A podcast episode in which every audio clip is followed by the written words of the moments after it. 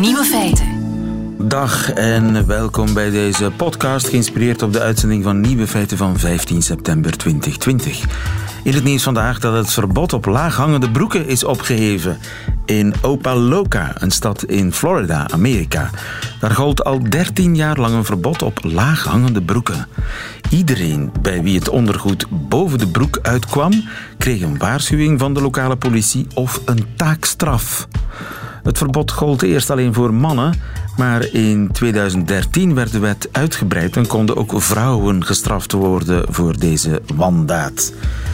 Vandaag, 13 jaar later, wordt het verbod opgeheven. De boomers verliezen dus definitief de strijd.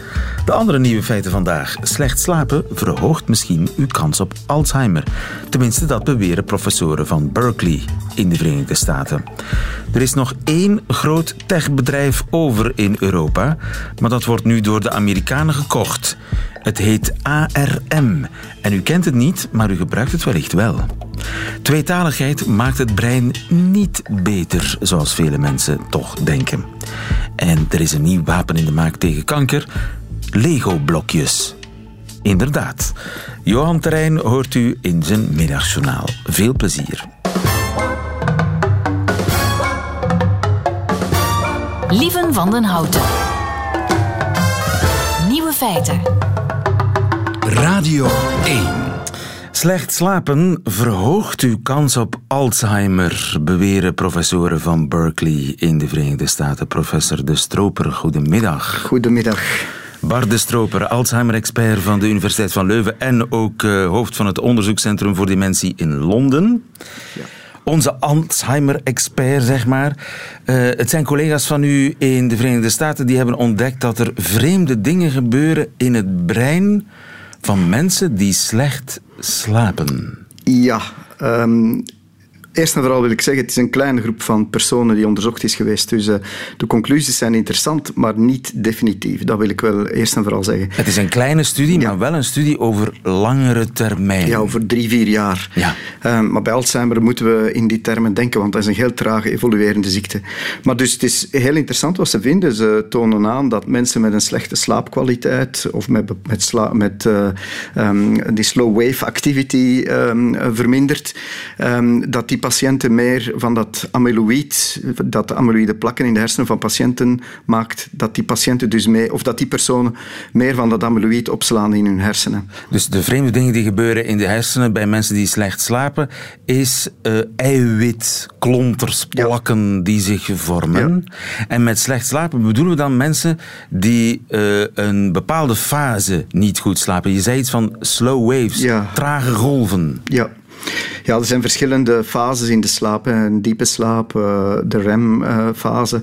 En dan is er ook een fase waar dat er dus de non-REM-part, waar dat er dus trage golven in de hersenen aanwezig zijn. Dat is en, echt diepe slaap? Ja, um, ja, ik ben wel geen slaapspecialist, hè, maar ja. dat, dat, dat is inderdaad Dat noemen ze de diepe, de diepe slaap. slaap, ja. ja. En uh, dat is een, een, fase waar essentiële dingen in gebeuren. Is, is het ja. dan dat het brein zichzelf reinigt, als het ware? ja, ik, ik, ik ben, ik, ja, inderdaad, dat is uh, gepubliceerd geweest. En daar zijn hele mooie publicaties, vooral in muizen, want in mensen is dat allemaal wat moeilijker om aan te tonen. Dat dus gedurende de nacht, gedurende de diepe slaap, er een aantal... Uh, kanalen zich openzetten in de hersenen, waarlangs dan het hersenvocht vloeit en waardoor actief allerlei afbraakproducten worden afgevoerd.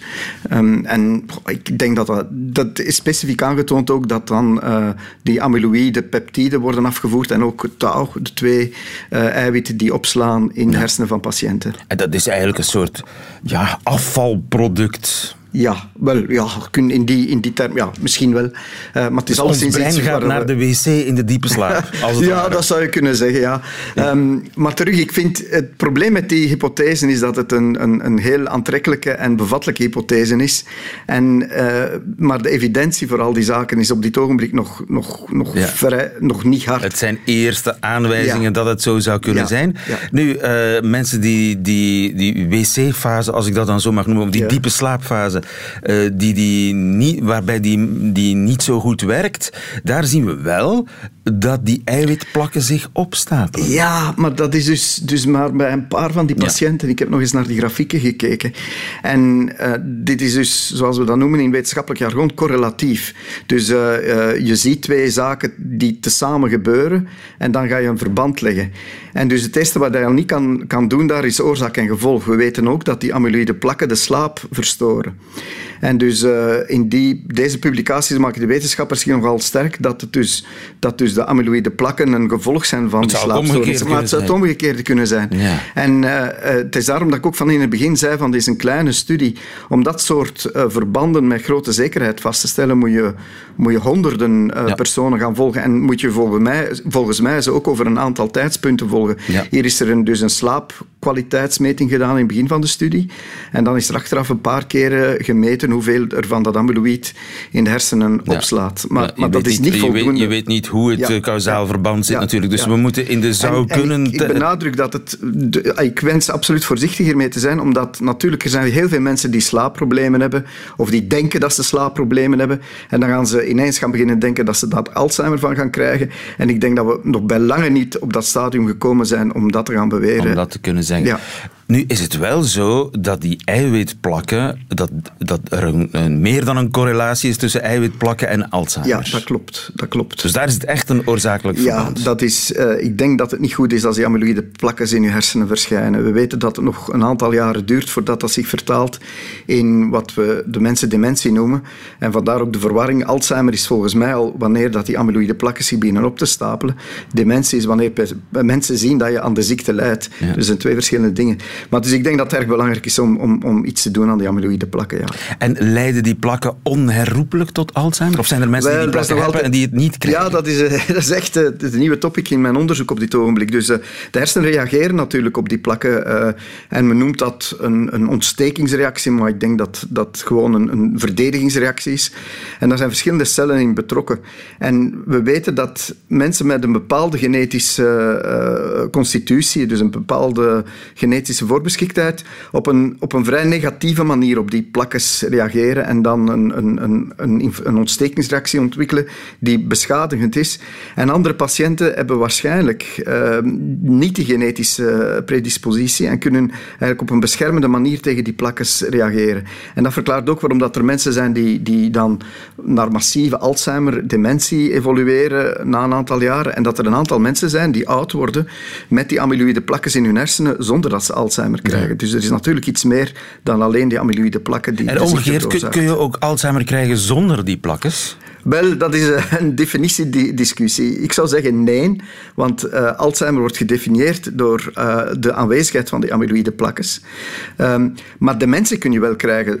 Maar dan krijg je het door een andere ziekte. Dus dementie ja, ja. is een symptoom. En er zijn verschillende ziekten die dementie kunnen veroorzaken. Maar dus Alzheimer is gedefinieerd door die amyloïde plakkes en door de touwtangels. Ja, dus veel mitsen en maren en slagen om de ja. arm. Het is een kleine studie. Die uh, collega's van u in Berkeley beweren... wij hebben de kristallen bol gevonden om uh, Alzheimer te voorspellen. Daar plaatst u wel wat vraagtekens bij. Maar de, de vraag blijft overeind. Kunnen we Alzheimer vermijden door veel en goed te slapen? Wel, ja, dat is een, een interessante... Ah, ik, vind, ik vind dat eigenlijk een vrij gemakkelijke vraag. Um, de vraag is eigenlijk, kunnen we gezond verouderen door uh, gezond te leven? En dus slaap is daarvan zeker een belangrijk aspect. Naast voeding, naast uh, alcohol uh, verminderen, naast niet, naast niet roken, ja. sport enzovoort. En al die zaken, er is een correlatie aangetoond met verdediging tegen dementie. Er is onlangs nog een grote studie verschenen dat dementie op latere leeftijd altijd maar op latere leeftijd verschijnt. Dus dat mensen langer gezond blijven, wat op zichzelf al een heel goed, goed nieuws is voor, voor Alzheimer en dementie.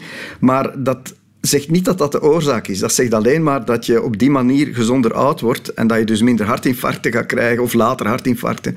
Het verdedigt u tegen kanker en het verdedigt u ook tegen uh, de aftakeling van de hersenen. Dus we kunnen zeker invloed uitoefenen op het uh, Alzheimer-proces? Ja. Dat ja. ons misschien ja. op genetische manier uh, ingebakken zit, maar ja. we, kunnen daar, we kunnen daarin vertragen. Dat, dat klopt, ja, dat klopt inderdaad. Ja. Onder meer door goed te slapen. Door goed te slapen, door je nachtrust in stand te houden. Ja, ik denk dat wel, ja. Dat is wel duidelijk. Dankjewel, Bart de Stroper. Ja, alsjeblieft. Goedemiddag. Ja, goedemiddag. Dankjewel. Radio 1. Nieuwe feiten. Kinderen die tweetalig worden opgevoed, zo hoor je vaak toch, die krijgen daardoor een soort van hersentraining die hen slimmer maakt. Een tweetaligheidsbonus, zeg maar. Helaas, helaas domper op de feestvreugde. Dat blijkt nu een fabel te zijn. Pedro de Bruikere, goedemiddag. Een goedemiddag, lief. Onze pedagoog. Ja, bleek toch niet uit allerlei onderzoek dat tweetaligheid hersenen helpt te focussen en te switchen? Ja, wel, dat is een idee dat heel lang leeft, maar nu is er een nieuwe meta-analyse waarbij men alle onderzoek uh, gewikt en gewogen heeft en tegen elkaar heeft afgewogen. En dan blijkt dat effect grotendeels te verdwijnen dan merken we dat er bij een bepaalde groep middenklasse vooral er wel een klein positief effect kan zijn, maar dat bijvoorbeeld zowel voor kinderen uit gezinnen met lage sociale achtergrond, sociaal-economische achtergrond, of hele rijke gezinnen, dat zelfs daar er helemaal geen effect zou zijn. Ja, dus een metastudie, dat betekent dat ze alle mogelijke studies naast elkaar gelegd hebben en daar eens goed naar gekeken hebben. Een studie van de studies, zeg maar. En daaruit zou blijken dat er wel degelijk een heel klein beetje effect is bij kinderen uit de middenklasse, maar niet uit de hele rijke en hele arme klasse. Dat begrijp ik helemaal niet. Nee, dat valt op. En, en ook, vooral, je mag ook het effect dat bij de middenklasse dan gevonden is, ook zeker niet overschatten. Integendeel. En dan gaat ook heel specifiek over het switchen van, switchen van taken. Dus als je, wat moet je doen als je tweetalig bent? Dan ga je vaak ook van taal moeten veranderen. En daar worden ze een stuk in getraind. En dan kunnen ze ietsje beter dan kinderen die niet tweetalig opgevoed worden. Maar in feite valt op dat in de meeste onderzoeken, als je ze naast elkaar legt, het effect verdwijnt. En er viel wel ook in op, en dat is een van de weinige keer dat ik dat in de meta-analyse zo duidelijk gelezen heb, er was één onderzoekslabo. Als het onderzoek vandaar kwam, dan was er een veel groter effect. Maar bij de onderzoeken die uit andere onderzoeksgroepen of labos kwamen, dan was er veel kleiner of geen effect. Ja, maar wat zegt dit nu over de wetenschap, dat, uh, zeker de pedagogie, dat zij zich dus jarenlang kan vergissen? Uh, ik denk dat het uh, normale, gezonde wetenschap is dat je bepaalde zaken vaststelt en dat je dan dat gaat controleren. En nu is er een soort van correctie gekomen, waarbij men zegt van oké, die transfer, want dat is het in feite. Transfer, je leert iets op de ene plek en dat heeft een voordeel op een compleet andere plek daarvan weten we in feite in onderwijskunde en in psychologie al, al meer dan 100 jaar dat dat heel, heel, heel, heel moeilijk is. Ja. En dat is in feite de belangrijkste, de belangrijkste conclusie van die onderzoekers is stop met kijken wat de meerwaarde voor iets anders is van tweetaligheid, terwijl dat tweetaligheid op zich al een belangrijke meerwaarde is. Als jij meerdere talen kan spreken, dan verhogen je kansen op de arbeidsmarkt. Dan ga je meer contact hebben met andere cultuur. Dus die tweetaligheid op zich is belangrijk genoeg. Maar als je dan denkt van, daar krijg je een enorme cognitieve bonus van, specifiek, wat men onderzocht heeft, executieve functies. Dat, zijn zo, dat is zo'n beetje de cockpit van ons brein. Ja, daarvan moeten ze zeggen van, nee, we zien dat dat niet het geval is. De cockpit van ons brein, dat zijn de executieve functies? Ja, zo wordt dat genoemd. Wij hebben het heel vaak over intelligentie. Maar wat de voorbije jaren meer en meer aandacht gekregen heeft, zijn de executieve functies. In de zin van bijvoorbeeld hoe gemakkelijk kan je veranderen van een taak, hoe makkelijk kan je je focussen en nog veel van die andere zaken. En dat heten de executieve functies. En men heeft dus specifiek onderzocht welke invloed tweetaligheid, opgevoed worden in twee talen, heeft voor die executieve functies. Ja, ja een, een soepel brein zijn. Dat gaat niet, over, niet zozeer over de leerfuncties, over het intellectuele, maar hoe snel je, hoe snel je iets van, van taak kunt veranderen, hoe snel je je kunt focussen. Maar volgens sommige onderzoekers hebben die zelfs meer voorspellende kracht dan intelligentie. Want bijvoorbeeld als jij je goed kan focussen, zal dat ook helpen om te leren. Maar naar focussen was er geen invloed. Ja, dus uh, helaas, helaas, want anders waren wij Belgen natuurlijk superbreinen. Hè? Ja, ik weet het, maar ik zou toch wel inzetten op genoeg meertaligheid, want uh, ja, op die manier kan je dan toch wel een plaats in de wereld vinden, uh, los van of je nu beter studeert of minder goed studeert. Het blijft een bonus sowieso om meerdere talen te spreken. Pedro de Bruikere, dankjewel. Goedemiddag. Nieuwe feiten. Apple, Huawei, Samsung, HP, alle grote computerbedrijven, die zijn ofwel Amerikaans ofwel Aziatisch. Er is nog één grote tech-speler over in Europa, één groot techbedrijf, maar dat wordt nu door de Amerikanen gekocht. En dat is een heel belangrijk bedrijf waarvan u de naam waarschijnlijk niet kent. Ik ken hem niet, in elk geval, tot nu. ARM, ARM, ARM dus eigenlijk. Goedemiddag, Jonathan Holslag. Goedemiddag. Professor internationale politiek aan de VUB. ARM zullen ze er niet van worden. 40 miljard dollar legt de Amerikaanse, het Amerikaanse Nvidia op tafel om het Britse bedrijf ARM te kopen. ARM. Ik ken dat niet. Nee, ik moet eerlijk toegeven, voor mij zat het ook niet, uh, niet meteen paraat uh, bij de bedrijven die ik uh, in de gaten hield.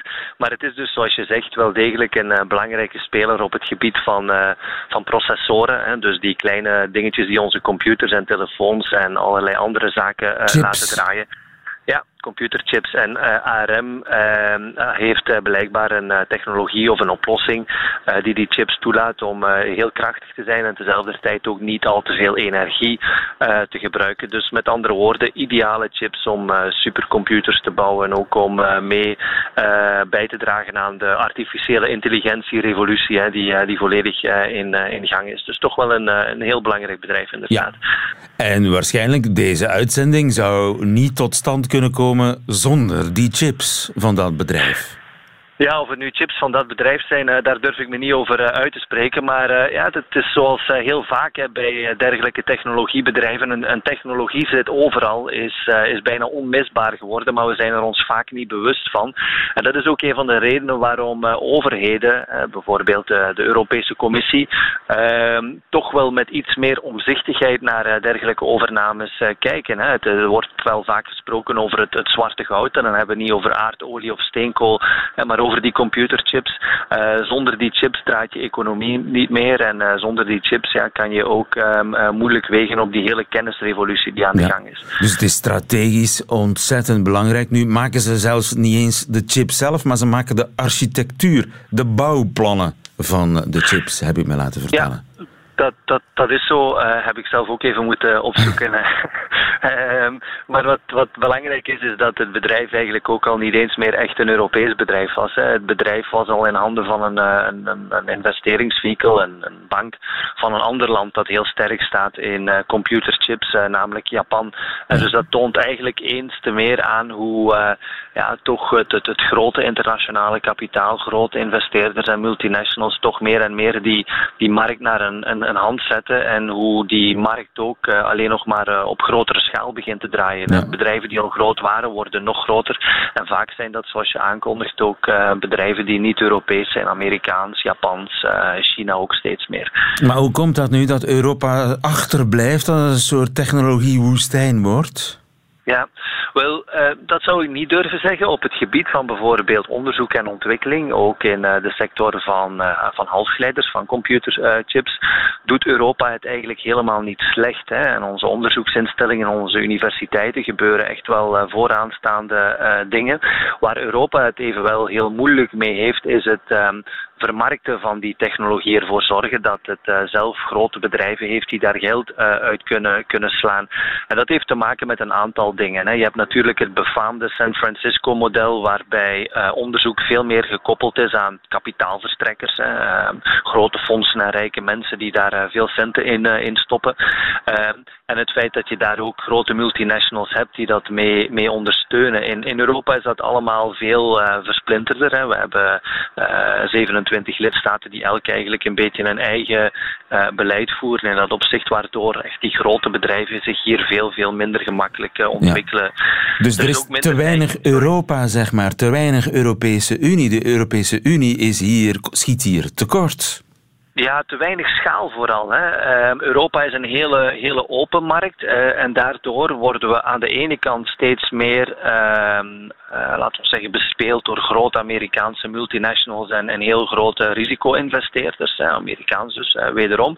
En aan de andere kant die grote staatsinvesteringsfondsen uit landen als Singapore, Zuid-Korea en, en, China natuurlijk ook. Ehm, dus dat, dat maakt ons wel een stuk kwetsbaar inderdaad. Zeker omdat ehm, ja, het niet alleen private bedrijven zijn die een oog hebben laten vallen op, ehm, op halfgeleiders en computerchips, maar ook meer en meer overheden. Hè. Je hebt die grote wedloop nu tussen China en de VS om wie de, de, de nieuwe grote supercomputer gaat maken, ook wie artificiële intelligentie gaat, gaat leiden. Ja, en Europa staat erbij en kijkt ernaar. Wel, het, het, het, kijkt er niet echt naar. De Europese Commissie heeft een aantal uh, beleidsvisies uh, ontwikkeld om ervoor te zorgen dat we niet uh, volledig afhankelijk worden van Amerikanen en Chinezen. Vooral Frankrijk is, is heel erg beducht en heeft nu op landelijk niveau een aantal initiatieven opgestart om zelf computerchips opnieuw te ontwikkelen. Maar het, draait allemaal op veel, veel kleinere schaal. En er is natuurlijk ook veel discussie tussen lidstaten onderling. Hè. Landen als Frankrijk willen bijvoorbeeld wel een stukje tussenkomen. Landen als uh, Nederland en, en, Duitsland vinden dat de markt uh, dat maar allemaal uh, moet sturen. En dat zorgt er dan voor dat het moeilijk is voor de Europese Commissie om wat het op papier heeft staan ook echt in de praktijk ja. te brengen. En daar ja, spinnen natuurlijk vooral Chinezen, Amerikanen en Japanners garen bij. Hebben we enig idee welke prijs we daarvoor zullen betalen? Um, ja, ik denk op lange termijn dat het toch een stukje ten koste gaat van, uh, van je soevereiniteit, van je onafhankelijkheid als, uh, als land. Hè. Uh, je maakt je echt wel afhankelijk van, van kritische technologie. en daardoor wordt het één voor je bedrijven toch, toch, toch moeilijker om toegang te krijgen. Zeker ook omdat overheden die toegang alsmaar meer proberen te controleren tot, tot know-how. en zeker in het meer gevoelige domein, alles wat met inlichtingen en defensie te maken heeft, wordt dit echt wel een wordt het echt wel een probleem. Uh, ik herinner me heel goed onlangs uh, anekdotes, een, een, bezoek aan het Spoorwegenmuseum in, in ons eigenste Schaarbeek. En daar stond eigenlijk een, een, een interessante quote uit de 19e eeuw van, van, van een, een, initiatief van onze Belgische overheid toen nog om spoorwegen te nationaliseren. Ook toen was er heel veel buitenlands kapitaal, Brits kapitaal vooral, dat een hele grote invloed begon te hebben op de spoorwegen en daardoor ook op de hele economie en men vond dat op dat moment zo uh, problematisch dat men toch uh, heeft beslist om uh, de overheid dat te laten nationaliseren. We riskeren eigenlijk met die halfgeleiders, en laten we zeggen een beetje de spoorwegen, de informatiesnelwegen van de toekomst, dezelfde fout te maken. Maar dat wordt natuurlijk heel moeilijk om, om dat recht te zetten. Zeker ook omdat we niet meer zo leidend zijn als in de 19e eeuw. Ja, en ook omdat er geen Europa of geen Europese staat is die dat allemaal zou kunnen organiseren. Ja, zo is dat. Eh, omdat we geen staat hebben die het uh, organiseert, maar ook omdat Europa veel minder dat, dat risicokapitaal heeft uh, dat San Francisco zo, zo typeert. Hè. Als je kijkt naar bijvoorbeeld Belgische start-ups in, in de IT-sector, maar ook in de pharma, blijf je toch keer op keer vaststellen dat zij eerst naar Amerika moeten om, om centen te vinden. En, en met die centen verdient, verdwijnt helaas vaak ook toch een stukje je, je greep op de technologie. Eh, en, en, en ook opportuniteiten om, om daar een industrie op, op te bouwen. En ja, voor heel veel economen, eh, economen en bedrijfsleiders is dat niet zozeer een probleem, want zij kijken natuurlijk naar eh, de groeikansen en de winst, maar vanuit het perspectief van onze samenleving en, en zeker de veiligheidsbelangen op lange termijn, denk ik toch wel dat we daar wat zorgzamer over moeten zijn allemaal. Ja, Europa wordt een stukje armer met het vertrek van ARM. Jonathan Holslag, dankjewel. Goedemiddag. Met plezier. Van den Houten. Goed nieuws, er is een uh, nieuw wapen in de maak tegen kanker. En het zijn een soort van Lego-blokjes. Philippe Lardon, goedemiddag.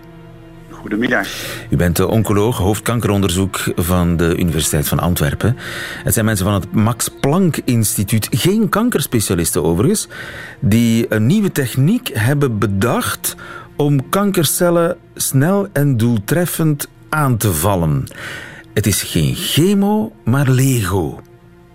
Naar het schijnt. Dat klopt, ja. Lego? Ja, het is een, een soort andere benadering om kanker aan te vallen. Hè. Anders dan de biologische, biochemische processen die we tot nu toe meestal aanvallen, met bijvoorbeeld chemotherapie, gaat men nu veel meer proberen de structuur van de kankercel aan te vallen door synthetische moleculaire Lego-blokjes aan te maken. Het is trouwens ook inderdaad geen kankeronderzoeksgroep, maar een onderzoeksgroep voor polymeeronderzoek. Men maakt dus een soort microscopisch kleine Lego-blokjes, peptiden, dat zijn een soort biomoleculen, die op zich helemaal onschadelijk zijn, maar men laat die binnendringen in de kankercel.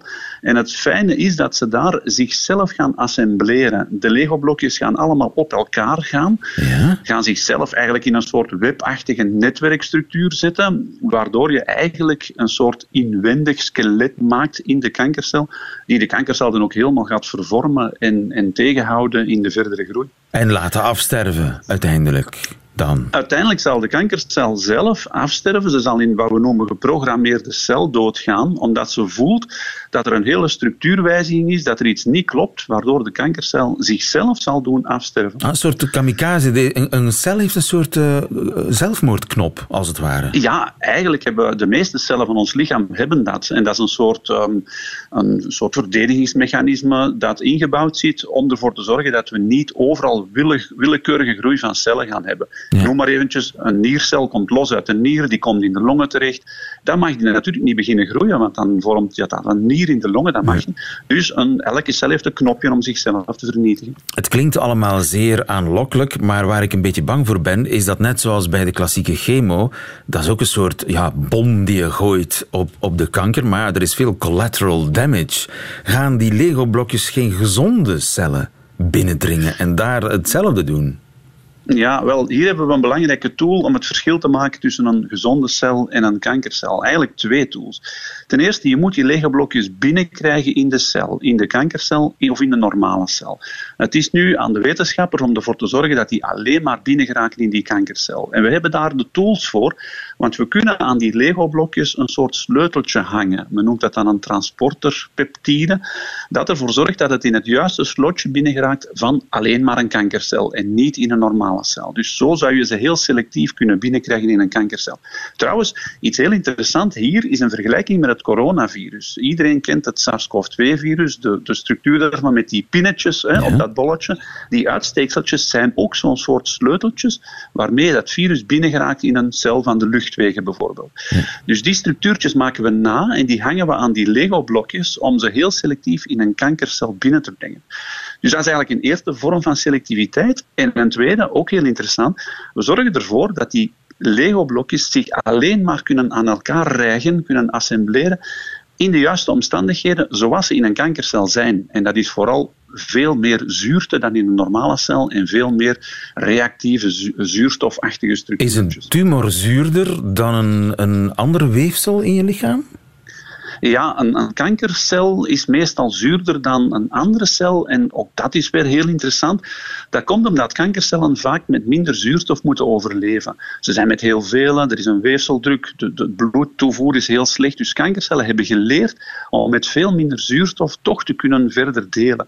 Maar dat is heeft hun wel een sterkte, dat is hun voordeel eigenlijk. Dat is een groot voordeel, ja. En, en ze halen daar zelfs nog meer voordeel uit. Het, eigenlijk is dat een nadeel. Met weinig zuurstof moeten overleven. Dat, spiercellen kunnen dat ook. Maar dat vormt dan als metabool afvalproduct lactaat, melkzuur. Dus je krijgt een zure omgeving en cellen hebben dat niet graag. Maar de kankercel heeft geleerd om dat toch wel graag te hebben en aan- in die zure omgeving zich heel goed te voelen.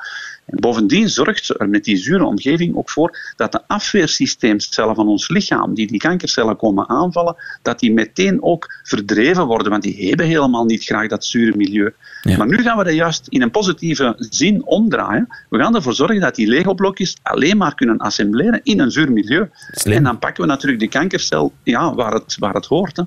Nu, dit klinkt zeer veelbelovend. Dit klinkt als een soort verfijndere techniek dan de chemo. Zal dit op termijn, die Lego-blokjes-techniek, zal dit op termijn de chemo vervangen? Ik, op zich vervangen, dat is te vroeg om dat te zeggen. Uh, het, het geeft aan dat we buiten het kader denken. Er zijn nog een aantal nieuwe therapieën, zoals plasmatherapie, die we gaan gebruiken om kankers aan te vallen. Ten eerste zal het nog wel een tijd duren voordat het uiteindelijk tot een geneesmiddel zal leiden. En ten tweede, ik denk niet dat we dat als als een, als een therapie zullen kunnen inzetten die alleen maar dat doet. We zullen altijd moeten blijven bij de chirurgie en bij een andere aantal klassieke uh, manieren van therapie doen. Maar het zal alleszins een, een heel grote hulp zijn in het, in het vernietigen van de overblijvende kankercellen. Dat wel, ja, maar dus- op termijn. Op termijn, maar dat uh, blijft toch uh, heel mooi nieuws die we krijgen van dat Max Planck Instituut. Philippe Lardon van de Universiteit van Antwerpen. Dankjewel, goedemiddag. Graag gedaan. Dat waren de nieuwe feiten van 15 september 2020. Alleen nog die van Johan Terrein krijgt u in zijn middagjournaal. Nieuwe feiten. Middagjournaal. Beste luisteraar. Dit weekend zat ik langdurig in een fotohokje. Niet om geldige pasfoto's te nemen waarop je niet mag lachen van de overheid. Ik probeer me altijd een politicus in te beelden die even iets vergeten is. Dat geeft mij zo'n empathische blik zonder dat ik ervoor hoef te glimlachen. Nee, ik zat daar puur voor mijn plezier.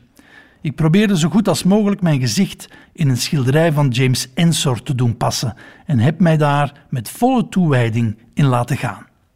Ik zal niet zeggen dat ik evenveel tijd in dat hokje heb doorgebracht als in het nieuwe Ensor Museum zelf, maar bon, ik kan het nu even goed toegeven, ik zat een half uur achter dat gordijn. Beste luisteraar, ik kan u verzekeren dat toewijding iets is wat je nodig hebt om in zo'n hokje een bevredigend resultaat te verkrijgen. Voor eerst is er die aftelklok die enkel zijn eigen timing volgt en die niet luistert naar het commando: nee, wacht nog even. Verder moet je op korte tijd moeilijke dingen uitzoeken, zoals hoe je je hoofd in het juiste perspectief draait en hoe dicht je daarvoor bij de lens moet komen.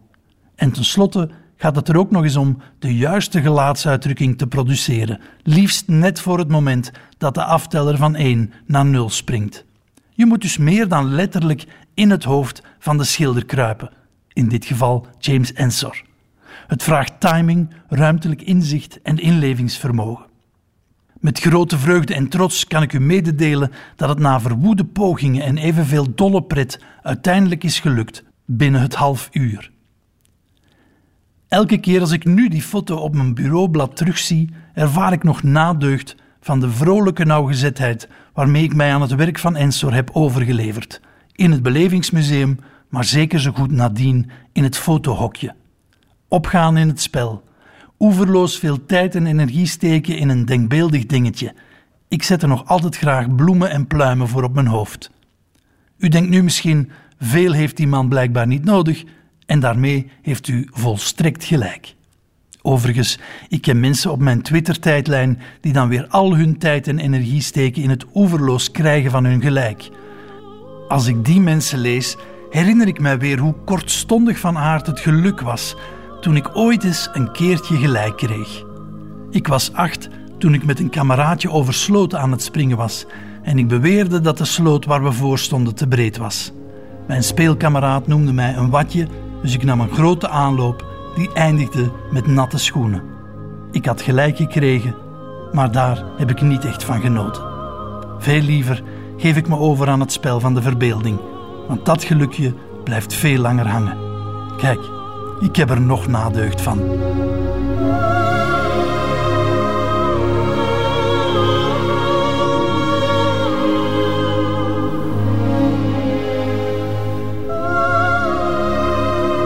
Het middagjournaal met Johan Terrein. Einde van deze podcast. Hoort u liever de volledige uitzending van Nieuwe Feiten? Dat kan natuurlijk live. Elke werkdag tussen 12 en 1. Maar één uitgesteld relais natuurlijk via onze site of via onze app. Waar u nog veel meer fijne podcasts van Radio 1 vindt. Tot een volgende keer.